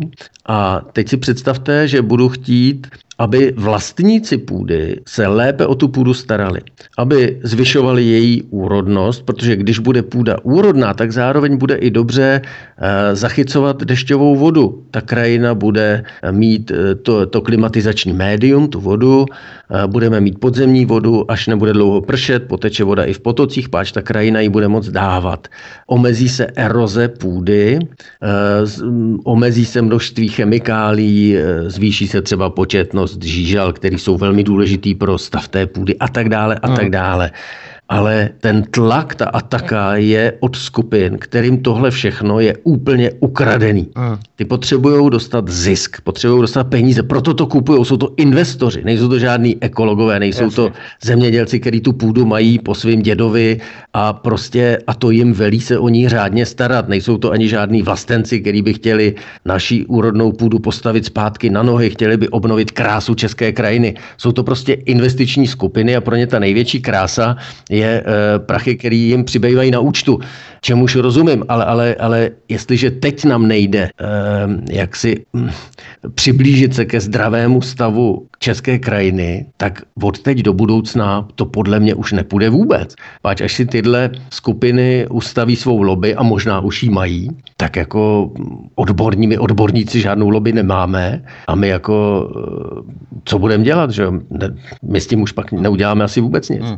Poslouchá Posloucháte svobodný vysílač Studio Tapin Radio. Zdraví vás svítek od mikrofonu. Naším dnešním hostem hovoru u Klábosnice je Jindřich Duras, hydrobiolog. My si zahrajeme písničku a po hudební pauze se podíváme na kvalitu spodní vody, na technické plodiny, na různé insekticidy, herbicidy, pesticidy, dusičnany a podobné látky, které potom pronikají do spodních vod. Zůstaňte u nás po písničce, jsme tu zpátky. Dnešním pořadem nás provází Jindřich Duras, hydrobiolog. My si povídáme o řekách, o kvalitě vod, jak povrchových, tak i spodních a nyní zabrousíme i do zemědělství, o kterém jsme se bavili v posledním bloku před písničkou. Ono v podstatě u nás se, když tedy trochu odbočíme, tak eh, u nás se pěstují na rozsáhlých plochách takzvané technické plodiny, které neslouží ani k potravě, jako třeba obilí, ani pro krmení dobytka, ale pěstuje se u nás buď to řepka do nafty, nebo kukuřice jako krmení, nikoli pro dobytek, ale pro bioplynové stanice. Jak je eh, půda tímto typem pěstováním nebo systémem hospodařením degradována? Jaké nežádoucí procesy tu třeba vznikají vlivem třeba nutnosti chemického ošetřování postřiků těchto plodin, různé insekticidy, jak jsem o tom mluvil, herbicidy, pesticidy, dusičnany. Nedostává se potom takovýto chemický koktejl do podzemních vod? Je to velký problém v České republice nebo už se to podařilo nějakým způsobem podchytit? Eh, především je třeba říct, že eh, sluneční záření se přeměňuje v biomasu rostlinou. Tu biomasu se my snažíme přeměnit v něco dalšího užitečného. Pěstování té biomasy znamená setí, orbu, používáme prostředky, které musel někdo vyrobit, e, traktory, e, různé stroje, do toho palivo, obsluhuje to člověk, kterého musíme zaplatit, ty peníze jsme museli někde vydělat. Čili všechny náklady na energii, kterou potom slavnostně vyrobím, tak v našich šířkách jsem, zeměpisných šířkách myslím, jsem s bídou, když hodně se bude dařit, tak nula od nuly pošla. To znamená, ta činnost je v zásadě zbytečná. Já nemůžu vyprodukovat víc, než kolik do celé té činnosti všeho investuju. Rovná se celá tahle činnost může být udržována pouze dotacemi, jinak je neživotaschopná a z mého pohledu naprosto zbytečná. Čili to je ten, to základní konstatování. Půjdeme dál. E, problém jsou, je vlastně členění toho půdního fondu, či obrovské lány, na kterých se pak pěstují ty technické plodiny a ty musí být podobně, ale i jako plodiny jiné, e, ošetřovány e, všelakými pesticidy. To, co nás z pohledu vody nejvíce trápí, nejsou ani tak insekticidy. Ty by podle mě měly trápit včelaře, eh, měly by trápit eh, ochranu eh, přírody, ochranáře, kteří se zabývají třeba motýly, brouky, protože to jde všecko do háje. Hmm ale většinou jsou to prostředky, které se rozkládají velmi rychle a my je ve vodách obvykle, až na nějaké náhlé události, tak my je ve vodách nenacházíme. Nicméně to, co nacházíme, jsou herbicidy, čili prostředky, které se, eh, postřiky, které se aplikují proti plevelům nebo proti něčemu, co tam prostě nechci, aby rostlo, proti rostlinám. A eh, tyto látky jsou v naprosté většině velmi dobře rozpustné ve vodě. Je to proto, že ta rostlina si je pak bere kořeny a eh, je to takzvaný systémový herbicid a ten herbicid, ta látka naruší nějaké procesy v té rostlině, rostlina hyne. Typický Příklad je třeba glyfosát, který známe z, z, i z domácí praxe, ale na polích se samozřejmě používá taky, ale, ale jsou to třeba mm, skupina triazínových herbicidů, které jsou velmi dobře ve vodě rozpustné. Dokonce, když jsem hledal ty herbicidy na internetu, tak řada prodejců vychvaluje ten herbicid slovy, kupte si ho, je to bezvadný, protože on se z té půdy rychle vyplaví. Či vy si zajedujete tu půdu, ale nezajedujete si ji na pořád, protože se ten herbicid rychle vyplaví. A to hmm. mě nadzvedlo, že jo, protože kam se asi vyplaví. Ano. On se asi mě vyplaví do potoka a vyplaví no. se do, do přehrady, která tam je. A z té přehrady já budu pak chtít brát pitnou vodu zase zpátky pro lidi. No, no. A, a to mi přijde, že jsem to nedomyslel, že když produkuju něco, co, co vlastně nemá opodstatnění, tedy, tedy, tedy ty technické plodiny, a produkuju je za eh, Eh, za vlastně průvodního jevu, jako je eroze, ztráta té půdy, za průvodního jevu, jako je kontaminace vody, kterou pak znova potřebuju, tak mě to už jako nedává smysl ani, ani, ani zdaleka. Takže kouzlo těch, těchto herbicidů je, že jsou velmi ve vodě rozpustné. To, kde si myslím, že se ještě ve veřejnosti nic neví, je kvalita vody ve studních. My eh, hledáme eh, ty a nacházíme bohužel ty herbicidy ve vodách, či v potocích, v řekách, v přehradách, ale nikdo je nehledá, eh, hledá je Český hydrometeorologický ústav ve vrtech, a to jsou hluboké vrty, a ve většině, nebo aspoň když jsem se potom pídil, tak v těch herbicidy nejzasaženějších oblastech ty vrty zrovna nejsou. Protože vrt je náročná záležitost, není jich kdo ví kolik. A teď se dostávám k těm studnám, které eh, používají místní lidé, čili ti, kteří z nichž většina je zaměstnána v tom zemědělství. Řada z nich eh, přímo se podílí na těch ošetřeních herbicidními látkami, vlastní tam pozemky, mají podíl v těch hospodařících subjektech a tak dále. Když máte studnu na svém pozemku, tak nemusíte si dělat rozbory. Je to vaše studna, nikdo vás do toho nenutí. Stanovení pesticidů stojí kolem dvou a někdy až tři tisíc korun za jeden vzorek. Ty vzorky musíte udělat asi tak tři, protože eh, každé to stanovení podchytí jenom určitou část těch pesticidních látek.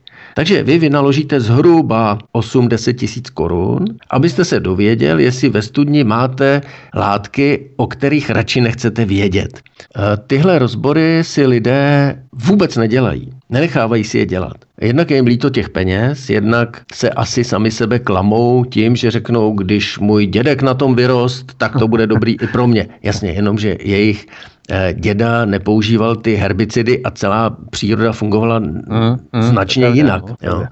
Takže vlastně, a takže nikdo, nikdo těm lidem jakoby nemá odvahu říct, hele, my vám ty studny uděláme, abyste viděli, že, že, ty, že to pesticidování opravdu není úplně dobře a vy s tím pak eh, zalejváte svoje eh, zahrady, vy, si, vy to taky pijete, že jo, vy to dáváte pít svým domácím zvířatům, nebo pokud mají nějaký hospodářský zvíře.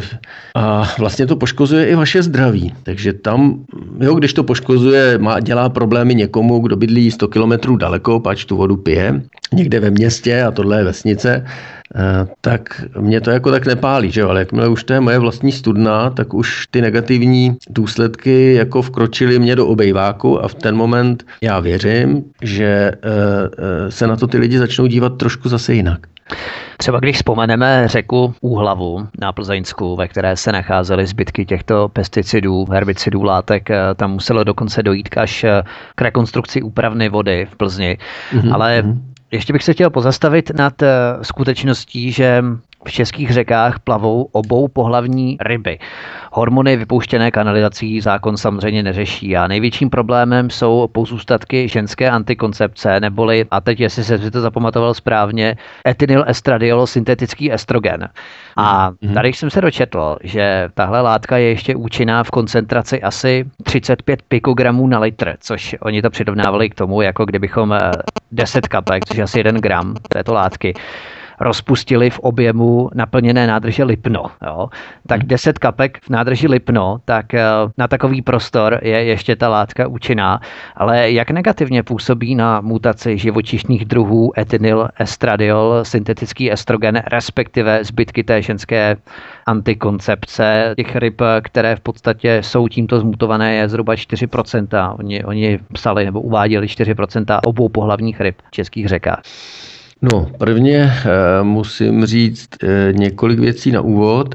Je hrozně málo výzkumů eh, takhle komplexně dělaných na téma pohlaví, jaksi vyrovnanost pohlaví ryb, různých druhů ryb nebo různých jiných. Že v řekách ne, nežijou jenom ryby, ale žijou tam larvy hmyzu a pijavice a něco všechno. Hmm. Čili těch studií je extrémně málo. Strašně málo jich máme. Tak, to bylo konstatování jedna. Konstatování dvě. Eh, dvě. Zatímco dusičnany eh, se nacházejí v miligramech nebo v desítkách miligramů na litr ve, ve vodách. Jo, to miligram tisícina gramu. Je to hrozně málo, ale e, z pohledu e, té vody je to dost. Pak máme třeba těžké kovy, jako olovo, zinek, měď, kadmium. Ty se nacházejí v mikrogramech, v jednotkách mikrogramů, čili zase jsme o tisíc, eh, o, tři řády tisíckrát níž. Eh, pak jsou pesticidy, ty se nacházejí třeba v nanogramech jo, v desítkách, stovkách, někdy samozřejmě v tisících nanogramů na litr. A to už jsme eh, eh, jaksi v koncentracích, které byly ještě před já nevím, deseti lety nepředstavitelné, že někdy budeme umět hledat v řece tak malé množství látky. A najednou se dostáváme k pikogramům a to jsme zase tisíckrát níž. Proč to říkám? Eh, je hrozně málo laboratoří v republice, které dokážou stanovovat hormonální látky v pikogramech.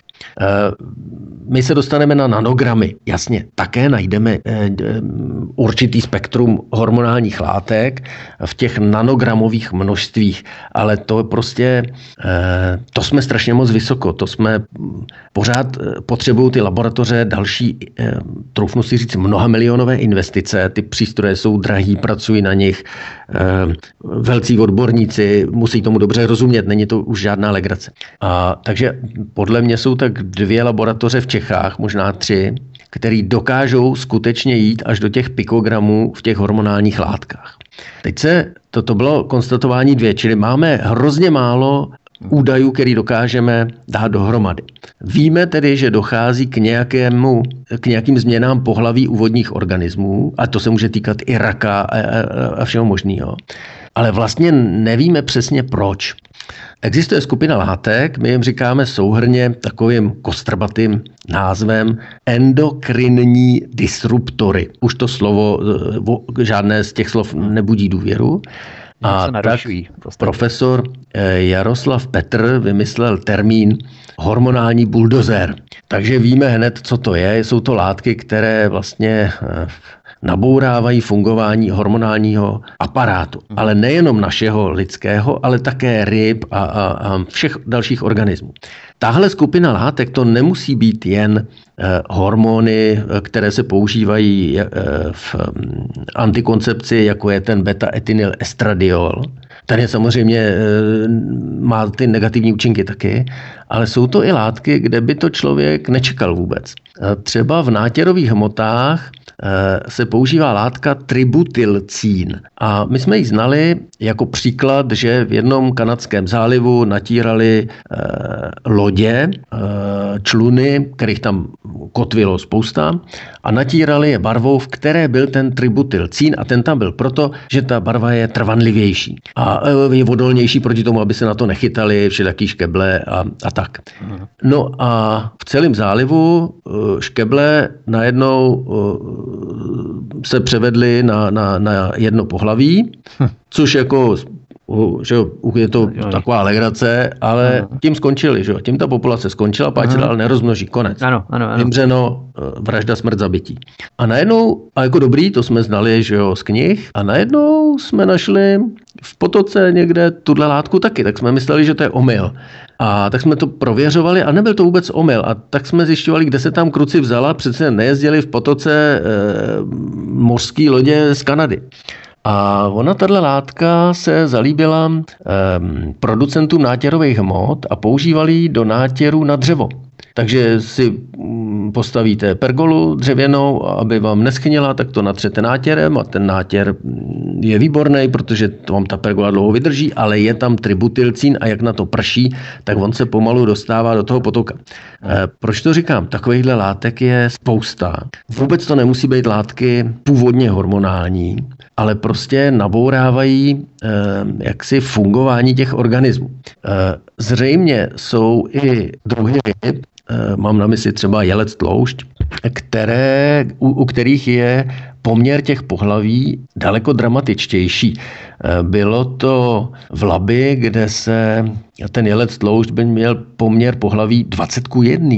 A to už jsme jako, to už je alarm, že? to už jako to už je něco špatně, ale vy teď musíte zjistit, co je špatně a když si vezmete vzorek vody, tak tam jsou stovky a stovky látek, který najdete, ale vy nevíte, která z nich to způsobila. Páč podezřelých je třeba 30, ale vy nevíte nic o působení, jak působí v kombinaci. A možná některé ty látky působí proti sobě, uh-huh. ve smyslu vzniklé chyby se vzájemně vyrušily, ale některé násobí vzájemně ten účinek a některé působí na embrya, ale ve stejné kombinaci nepůsobí už na dospělého jedince. A teď těch variant je tam obrovská spousta, co se může dít. Hmm. A navíc speciálně ty eh, látky hormonální povahy, eh, když jich dáte hodně, tak působí pak přes ten, ten účinek, pak, eh, pak jich dáváte míň těm pokusným organismům a ten účinek klesá, až je skoro žádný, tak vy přerušíte ten pokus. No jo, ale když přijde nějaký šťoural a začne dávat ještě nižší dávky, které jsme považovali předtím za naprosto naprosto neškodné,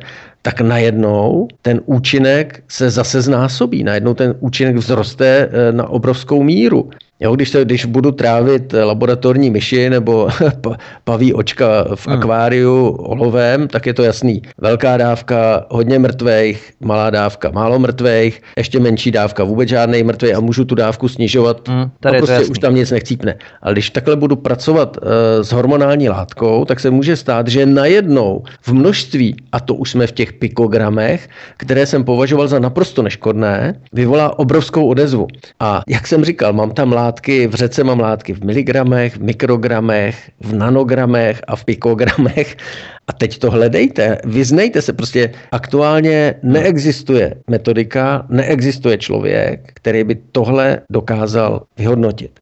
Jste tu zmínil ten tributylcín, takže můžeme říct, že to, co vytéká dnes z kanalizací do řek, je hotový koktejl různých látek, protože vědci zjistili, že ryby reagují na antidepresiva třeba, protože ve společnosti mm-hmm, stoupá jejich konzumace, tak eh, ty se pak dostávají s plaškovou vodou do řek a ryby potom ztrácejí svou přirozenou plachost, eh, před predátory opouštějí hejno, neukrývají se a celkově se prostě chovají dost nepřirozeně.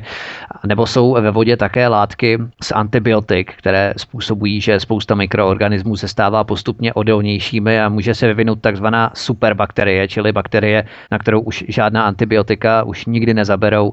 Také tu máme veterinární farmaka, která se používají v živočišné výrobě, zemědělci jim léčí hospodářská zvířata. Jenže tohle všechno, tenhle ale šílený koktejl chemických látek, sloučenin, hormonů, eh, zbytky ženské antikoncepce, stopové množství pesticidních látek, antibiotika, veterinární farmaka, antidepresiva, všechno se to dostává zpět do našeho organismu, buď konzumací ryb, teďka budou Vánoce, takže všechny budou pochutnávat na kapřících, anebo samotnou vodou, kterou pijeme, protože tohle prostě úpravny vod a čističky ne, nepřefiltrují. No a v našem organismu se tyto všechny látky hromadí, kumulují. To zní naprosto strašně. My jsme to vzali, eh, vztáhli přímo na člověka, jako mm, že se mi ta látka vrací, což se samozřejmě děje taky, ale my eh, bychom se měli starat i o ten přírodní systém, o ty vodní ekosystémy, které nabouráváme, které ničíme, eh, které jakoby rozkulháme. Eh, proč? Protože my jsme přímo velmi závislí na tom, jak ty ekosystémy budou fungovat. Jestli ty samočistící procesy budou fungovat, co se vůbec bude dít žít v přehradách, jak, jak vlastně eh, ta, jaký bude koloběh vody. To, to všechno jsou strašně důležité věci. A eh, když těmi pesticidy vybíju žížaly, vybíju bakterie v půdách, tak se tam nebudou tam probíhat ty procesy eh, biochemické, které by měly probíhat. Jiné látky se mi dostávají do vod. Když, ne, když budu mít eh, jaksi potlačené a handicapované ty ekosystémy ve vodách, zas to bude mít, jo, já vlastně tomu neuniknu. Ono jsme se dostali paradoxně do takové situace, že nechci běhat, vem to zjednodušeně, nechci běhat s motikou po poli, mám chemickou motiku, postříkám, Jasně. ušetřím za hm, eh, 10 lidí s motičkou, super. Hmm. Je to moje pohodlnost, já jsem chtěl vydělat, já jsem chtěl, aby to bylo lacinější, tak jsem něco, eh, tak jsem něco začal dávat do životního prostředí. Eh, chci mít sex, aniž bych se musel nějak úplně starat, jak to dopadne. Jasně, máme hormonální antikoncepci, super, ale mám jí zase v řece a je to za to vlastně daň. A chci mít nějaké extra prostředky na prádlo, chci, aby všecko vonělo a vyváže všechno, mám tím pádem mošusové látky. Eh, chci si eh, vyhodit z kopítka, myslím teď, co se týče alkoholu, rovná se druhý den mi bude bolet hlava, hlava.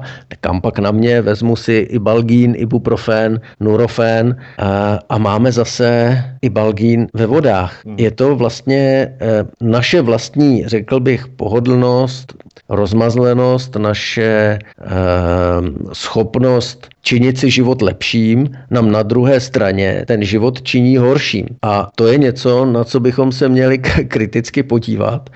Buď to bude všecko dražší, tak jako dneska si kupuju lednici, tak už tam mám, nevím, 100 korun třeba na likvidaci, až ta lednice doslouží, tak ji prostě odevzdám a za těch 100 korun ji někdo rozebere na části, ale tohle asi bude možná cesta, kterou se bude muset jít, i když si budu kupovat antibiotika, když si budu kupovat prací prostředky, eh, eh, nevím, čistící prostředky, impregnace třeba, eh, prostředky proti hoření, že, aby mi neschořel dům, chci mít klid, tak jsou to materiály impregnované nějakými prostředky, ale ty se mi vymejvají do vody, navíc při výrobě mám nějaký úniky a tak dále. A jakoby tak už jsme dokonale, jsme se vyčlenili z těch přírodních regulací, že neumíráme na první infekci a všechno, že jsme si to prostředí zamořili tak, že možná umřeme eh, na něco úplně jiného. Teď je jenom o to, jestli tomu všemu dokážeme dát nějaký řád, jestli to dokážeme vlastně zvládnout. Myslím, že to je docela, docela velká výzva. Jako. Určitě je to velká ekologická výzva za náš rozvoj, za naší pohodlnost, za náš komfort. Konzumerismus budeme muset asi platit nějakou daň pro to, abychom si mohli buď tento vývoj udržet, anebo snížit z našich nároků, tak abychom příliš nezatěžovali životní prostředí, protože když vidíme, jakým způsobem se nám to zpětně vrací, tak ty ekologické daně se nezdají být jako taková, řekněme, buzerace, která je na nás dělaná pouze, aby na tom profitovaly podniky, koncerny, ale skutečně, aby se nám nevracela tato životní újma v podobě menší kvality řek a vody v ní. Já myslím, že tímto bychom mohli skončit náš pořád. Pane Dudasi, když byste souhlasil, tak bychom příště mohli probrat i nějaké další aspekty kolem těchto věcí, protože jsou to nesmírně zajímavé záležitosti. Já si myslím, že ta osvěta by měla být a měla by probíhat, není nikdy dost a není přikládaná až takový prostor právě z toho toho profesionálního hlediska, se kterým k tomu přistupujete vy. A na základě faktů a informací, nikoli pouze na základě nějakých ekologických ideí, vizí a tak dále, skutečně na faktech, na informacích, na výsledcích vašeho bádání expertního, vědeckého a tak dále si můžeme ozřejmit, jakým způsobem ta příroda pracuje a jakým způsobem my bychom s ní měli kooperovat a zlehčovat jí ty věci, eh, kterými ona v podstatě musí kompenzovat tu naší bezstarostnost a ten náš komfort, stupeň vývojové civilizace. Čili pokud byste souhlasil, když nám ta technika tak pěkně funguje, tak bychom eh, někdy třeba za měsíc mohli pokračovat eh, v naší pestré, velmi zajímavé debatě. Eh, já bych určitě souhlasil a rád bych připojil ještě odpověď na otázku. Možná, že eh, řada posluchačů řekne, no to bylo od vás moc pěkná věc, jak jste nám to tady hezky naložili, ale co s tím máme kruci my dělat? Jak jako co mám já, když chodím denně do práce, tak co mám vlastně s tím já dělat? A Samozřejmě ten návod existuje. Prvně bych viděl eh, kontakt, komunikaci eh, s politiky. Oni musí vědět, co my chceme. Oni musí vědět, že nám záleží na tom životním prostředí, že eh, s náma eh, je třeba počítat, že, že opravdu chceme, aby se něco dělalo, že opravdu nechceme mít pesticidy všude, že nám opravdu záleží na revitalizacích a tak dále. Je to velmi důležité. Dneska máme maily, eh, lze napsat zdvořilé maily, kontakty na všechny politické zastupitele jsou k dispozici. Je to jedno, hrozně jednoduchá věc, je to jenom jenom o iniciativě každého z nás. To se týká i politiků, ale eh, třeba městských, obecních, eh, jako jsou starostové, primátoři, eh, různé členové rady a zastupitelstv v obcích, městech, kteří prakticky rozhodují, kteří podporují nějaké projekty. Že jo? Proč by neměli vědět, že nám záleží na zelených střechách, že nám záleží na tom, jak to město hospodaří s dešťovou vodou, jestli ta odlehčení budou chrlit do řek všechny ty látky, o kterých jsme si tady vyprávěli. No a poslední z toho je podívat se sám na sebe a říct si, hele, jako dělám já ve své domácnosti věci dobře, nepoužívám náhodou nějaké prostředky, třeba domičky s fosfáty zbytečně, ne, co kdybych se zamyslel a vzal nějakou alternativu ekologičtější, nebo ne, nepoužívám eh, zbytečně moc eh, nějakých jiných chemizovaných látek, nebo co když při svých nákupech bych podpořil spíš ekologické potraviny a nepodílel se tak tím, že budu kupovat ty produkty na, na, na něčem, na čem nechci. Eh, myslím si, že to stojí za to, ne, že by jeden člověk zachránil celý svět, ale je to i příklad eh, pro ostatní lidi a je to každá kapka do toho pozitivního vývoje si myslím, že, že je strašně třeba. Takže to je ten návod. Je hrozně jednoduchý, nenáročný, každý ho může udělat a hodně může přispět. Ano, můžeme samozřejmě začínat toho prvního kruhu, to znamená od naší rodiny, přátel, u druhého kruhu, to znamená životního prostředí, prostředí, které je kolem nás, kde bydlíme, kde žijeme a tak podobně. Samozřejmě můžeme začínat sami od sebe, nikoli, aby se tohoto bohulibého tématu nebo této agendy nechopila nějaká z profanovaných politických stran, která má potom 90% témat, se kterými nesouzníme a nerezonujeme. Tak to by bylo pro tento pořad vše, pane Duras. Já vám moc děkuji, že jste si na nás udělal čas, že jsme dali techniku dohromady a budu se těšit příště na svobodném vysílači. Já děkuji za příležitost eh, s vámi pohovořit. Tento i ostatní pořad si můžete stáhnout nejenom v archivu svobodného vysílače na stránkách svobodný pomlčka vysílač.cz ve formátu MP3, ale také si nás můžete poslechnout i na kanále YouTube.